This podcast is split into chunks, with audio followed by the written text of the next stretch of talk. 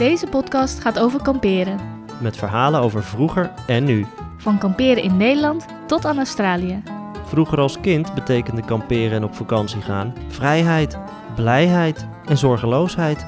Maar inmiddels zijn wij zelf het organiserend comité en staan we weer even met beide benen op de grond. Als kind hoefden we niets te doen, maar als ouders zijn we verantwoordelijk voor alles. En dat is wel even wennen.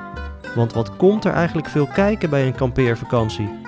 We voelen ons soms echte campingrookies. Is dat erg? Nee. Kunnen we erom lachen? Ja. Lach gezellig met ons mee. We delen tips, sterke verhalen voorbij het kampvuur en natuurlijk onze bloepers en blunders.